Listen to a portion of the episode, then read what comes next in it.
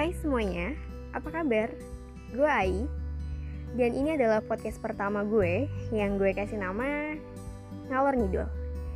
Di episode 1 Ngalor Ngidul kali ini Gue mau ngebahas terkait beauty standar.